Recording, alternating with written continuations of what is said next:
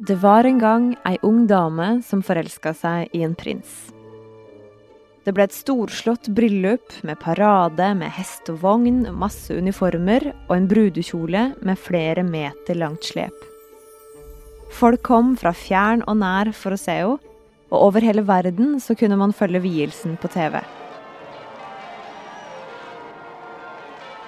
Men livet som kongelig blei ikke så lett. Stort press, masse medieoppmerksomhet og lite støtte fra familien gjorde at hun syntes alt sammen rett og slett blei for mye. Og etterpå så gjorde hun et intervju som sendte sjokkbølger langt inn i verdens mest kjente monarki. Høres det kjent ut? For britiske prins Harry så er koblinga åpenbar mellom det som skjedde med moren hans, prinsesse Diana, for 25 år siden, og det som skjedde med kona hans, Meghan Markle, nå. Har ikke det britiske kongehuset lært noen ting? Du hører på Forklart fra Aftenposten. Jeg heter Anne Lindholm, og i dag så er det onsdag 10. mars. Det handler jo om verdens mest kjente familie, og, og det vi ser, eh, har jo alle ingredienser fra et TV-drama. Så det føles nesten som vi ser på neste episode av The Crown live. Men her er det jo hovedpersonene sjøl som snakker, iallfall eh, ei side av saken. Ingeborg Moe er utenriksjournalist i Aftenposten og kan mye om den britiske kongefamilien. Altså Grunnen til at dette er så oppsiktsvekkende og at det er noe utenom det vanlige, ikke bare kjendisstoff, er at det handler om noen som utfordrer en over 1000 år gammel eh, institusjon, og som ikke vil følge de gamle reglene, som på en måte utfordrer den. Og kongehuset er jo nettopp bygd på tradisjoner. Dessuten så kommer det jo en del beskyldninger, anklager mot kongehuset, nærmest innenfra, som handler om rasisme, og det er veldig alvorlig. Og Ingeborg, som mange andre i Norge og i Storbritannia, fulgte med da hele intervjuet med Meghan Markle og prins Harry ble sendt mandag kveld. Talkshow-dronninga Oprah Winfrey sitter med først Markle og så dem begge i en idyllisk hage og spør om konflikter med de andre i kongefamilien, om bryllupet deres, om familiene deres, og ikke minst hvorfor de flytta fra det britiske kongehuset. Og prins Harry han svarte at det han var aller mest redd for, var at historien skulle gjenta seg. My biggest concern was history repeating itself, and I've said that before, you know, on numerous occasions very publicly. Prins Harry han mista mora si Diana da hun, han var bare tolv år gammel. Og det er ingen tvil om at det er et stort traume. Det ville det jo være for alle. For mora hans, lady Diana Spencer, gifta seg med den britiske tronarvingen prins Charles i 1981. De fikk sønnene William og Harry, og særlig Diana og guttene fikk masse medieoppmerksomhet. Det var fotografer fra tabloidavisene overalt. Men forholdet med Charles, det holdt ikke. Og midt i skilsmissen så ga Diana et sensasjonelt intervju til BBC og snakka om åssen Charles ikke egna seg til å være konge, og sa at han var utro. Well, there were three of us in this marriage, so it was a bit crowded. Og etter alt det så lot ikke pressen henne være i fred. Og sjøl da hun døde i en bilulykke i Paris i 1997, så var det med fotografer på slep som tok bilder av bilen hun satt i. Han har anklaga pressen for å ha en skyld i det, at de forfulgte mora. Og Meghan har også fått veldig hard medfart i britiske tabloidaviser. Uh, prins Harry han har anklaga dem for å nærmest jage henne for å, å være rasistisk og ha rasistiske undertoner. Uh, og noe av det de snakka mest om i intervjuet, var at de mente at kongefamilien ikke hjalp dem godt nok og beskytta dem mot uh, usannheter i avisene. De følte at de ble svikta av familien.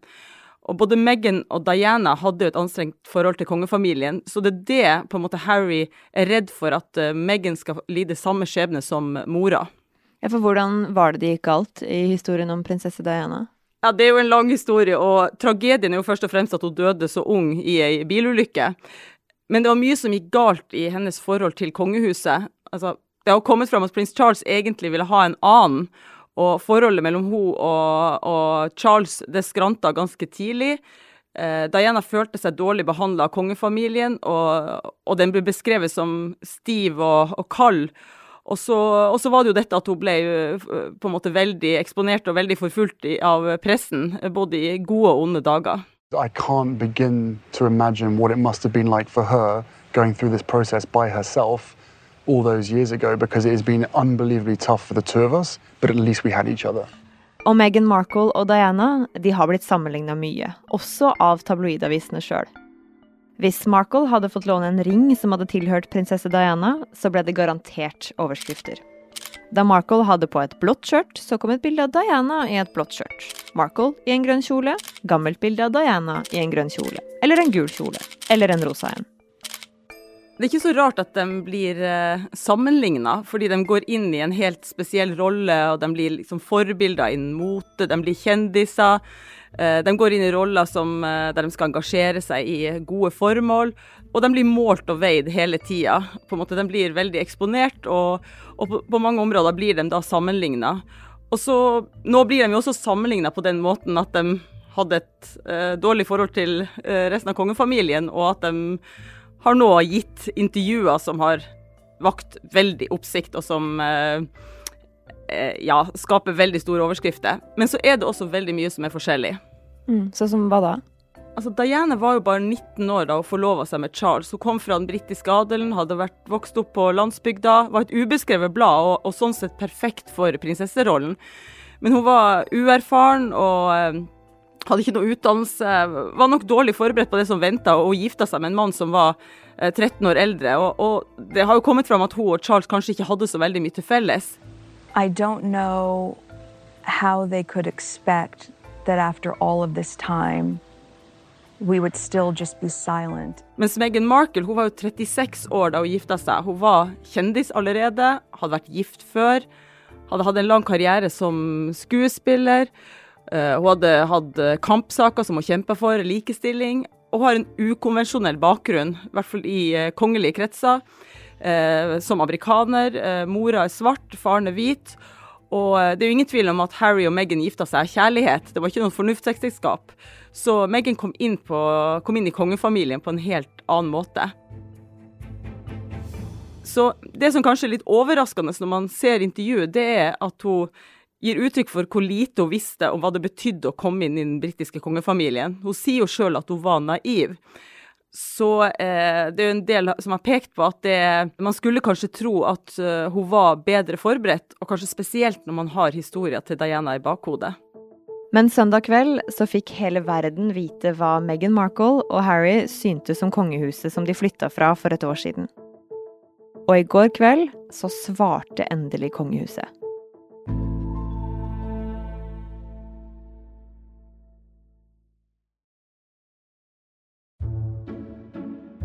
Ingeborg, hvordan har den britiske kongefamilien sånn vanligvis forholdt seg til oppmerksomhet i pressen? Altså, De sier jo veldig lite offentlig. Det er strategien også. Eh, jeg husker da prins William og Kate var her i Oslo for et par år siden, og så snakka jeg litt med de britiske kongereporterne om det.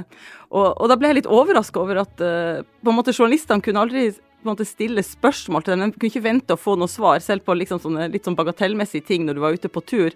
Eh, det, kan jo vi eh, i norske journalister når vår kongefamilie er ute. Og dronning Elisabeth har jo aldri gitt noe intervju. Eh, men man får jo vite ting, for kongefamilien har jo kontakt med media. og Derfor så dukker det som regel opp ting via ikke navngitte personer ved hoffet. Så det er ingen tvil om at det er noen forbindelse. Man har kontakter med pressen, men uh, de gir ikke intervjuer vanligvis. Men så har det jo vært noen unntak. Som hva da?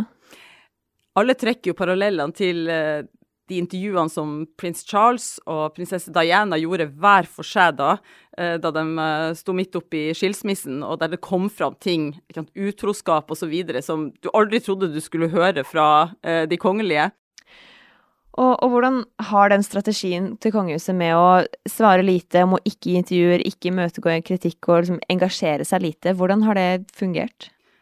Kongehuset har jo fått mye kritikk, eh, men samtidig er nok tanken at det skal gjøre dem mer uangripelig og heva over den vanlige debatten. Altså, det er jo en måte å beskytte seg på, eh, som i, i mange tilfeller også fungerer. Men det Meghan Markle sier, at hun hadde venta at de skulle rykke ut og forsvare henne da det dukka opp usanne ting i pressen, for det gjør de jo innimellom.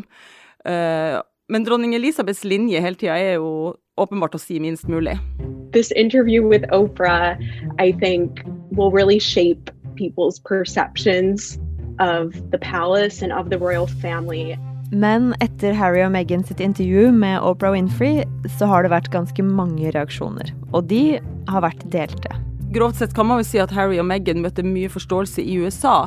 Men i Storbritannia, som vel er viktigst her, så er det jo litt mer delte meninger. Og det er en del som er kritisk også. Going. Og også timingen, da.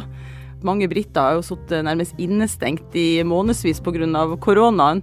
Så da når det kommer klager fra dette hertugparet om at de har følt at de har vært i et slags sånn gullbur, eh, de har følt seg fanga i nokså luksuriøse omstendigheter, så har det kanskje ikke så stor klangbunn hos eh, alle.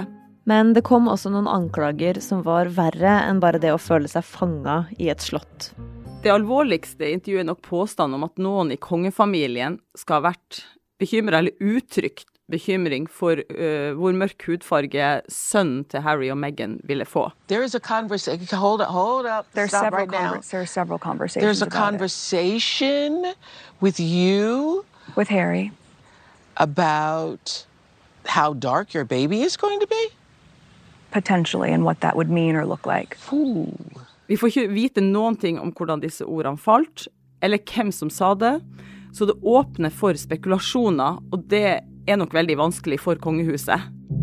Og her har Harry etterpå, gjennom Oprah Winfrey, sagt at det ikke var dronning Elisabeth eller mannen hennes prins Philip som sa det. Men påstander om rasisme var jo heller ikke det eneste som kom fram. Harry mener at han ble svikta av familien sin. Eh, alle syns jo litt synd på Harry pga. historien han har hatt. Han har vært et veldig populært medlem av den britiske kongefamilien. Men når han forteller om hvor dårlig forholdet er til faren, at han ikke er på talefot med broren, og mener at kongehuset på en måte kutta alle bånd til dem uten at det var egentlig det de ville, så, eh, så vekker jo det også oppsikt. Og så er det selvfølgelig dette som Meghan Markle snakker om, at hun var veldig langt nede og hadde sleit veldig mentalt, men at hun fikk avslag når hun ba om å få hjelp i kongefamilien. Men både Meghan og Harry er jo veldig nøye med å ikke kritisere bestemora, dronning Elisabeth, men tvert om si at hun eh, har vært veldig grei. Men alt det her er jo bare det prins Harry og Meghan Markle har sagt. Det er deres versjon. Hva veit vi om hva som er sant? Det er definitivt deres versjon. Og når du ser intervjuet, så eh, er det ikke noe tvil om at de følte at situasjonen var veldig vanskelig. Og i går kveld så kom endelig svaret fra Buckingham Palace. Ikke noe intervju eller tale eller video, nei, en kort pressemelding fra Slottet på vegne av dronning Elisabeth. Og Der står det at hele familien er lei seg for å høre hvor tøft Meghan og Harry har hatt det, og at beskyldningene om rasisme er bekymringsverdige. Og at sjøl om citat, 'erindringer kan være forskjellige', citat slutt, så skal det tas på alvor, og familien skal ta seg av det privat. Og til slutt så står det at Harry, Meghan og sønnen Archie er elska medlemmer av familien. Og Ingeborg, sjøl om det er noen forskjeller på det som skjedde med Diana og det som har skjedd med Harry og Meghan nå, så er jo det her med mangel på støtte fra familien og mangel på beskyttelse mot tabloidpressen noe som ligner ganske mye. Lærte ikke det britiske kongehuset noe av det som skjedde med Diana? Det vi får høre i intervjuet, tyder jo på at uh, de ikke gjorde nok for å forberede Meghan Markle på det hun hadde i vente. Så spørsmålet hvem var det egentlig som burde ha forberedt henne på det? For oss som føler at vi kjenner kongehuset godt fra historiebøker, fra media, fra TV-serier osv., så, videre, så er jo det kanskje litt overraskende at sjokket ble så stort. Altså at overgangen ble så stor og uoverkommelig. Spesielt siden vi kjenner historien med Diana. Og det er jo noen eksempel som Meghan Markle nevner, som f.eks. at ingen lærte henne den britiske nasjonalsangen, som kan framstå som eh, bagateller. Men så er det nok veldig vanskelig å vite hvordan det faktisk er å være del av kongefamilien. Spesielt for en som har vært vant til å kunne snakke fritt, til å gjøre som hun ville, og som var godt opp i 30-årene da hun gifta seg. Nå får vi se hvem som vinner kampen om sympatien. Altså Harry og Meghan eller kongefamilien. Og så må vi huske på at det er noen andre som kommer veldig dårlig ut av dette intervjuet, og det er britisk presse. Den får skylda for å ha lagd alt det presset som uh, dette hertugparet ønsker beskyttelse fra. Og det spørs om de kommer til å endre seg.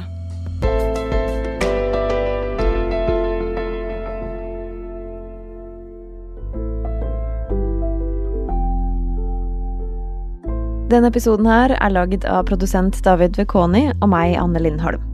Resten av Forklart er Caroline Fossland, Marit Eriksdatter Gjelland, Fride Næss Nonstad og Ina Swann. Du hørte lyd fra nyhetsbyrået AP, fra Harpo Productions og CBS og BBC. Og har du spørsmål eller tilbakemeldinger? Send oss en melding eller legg igjen en review i iTunes.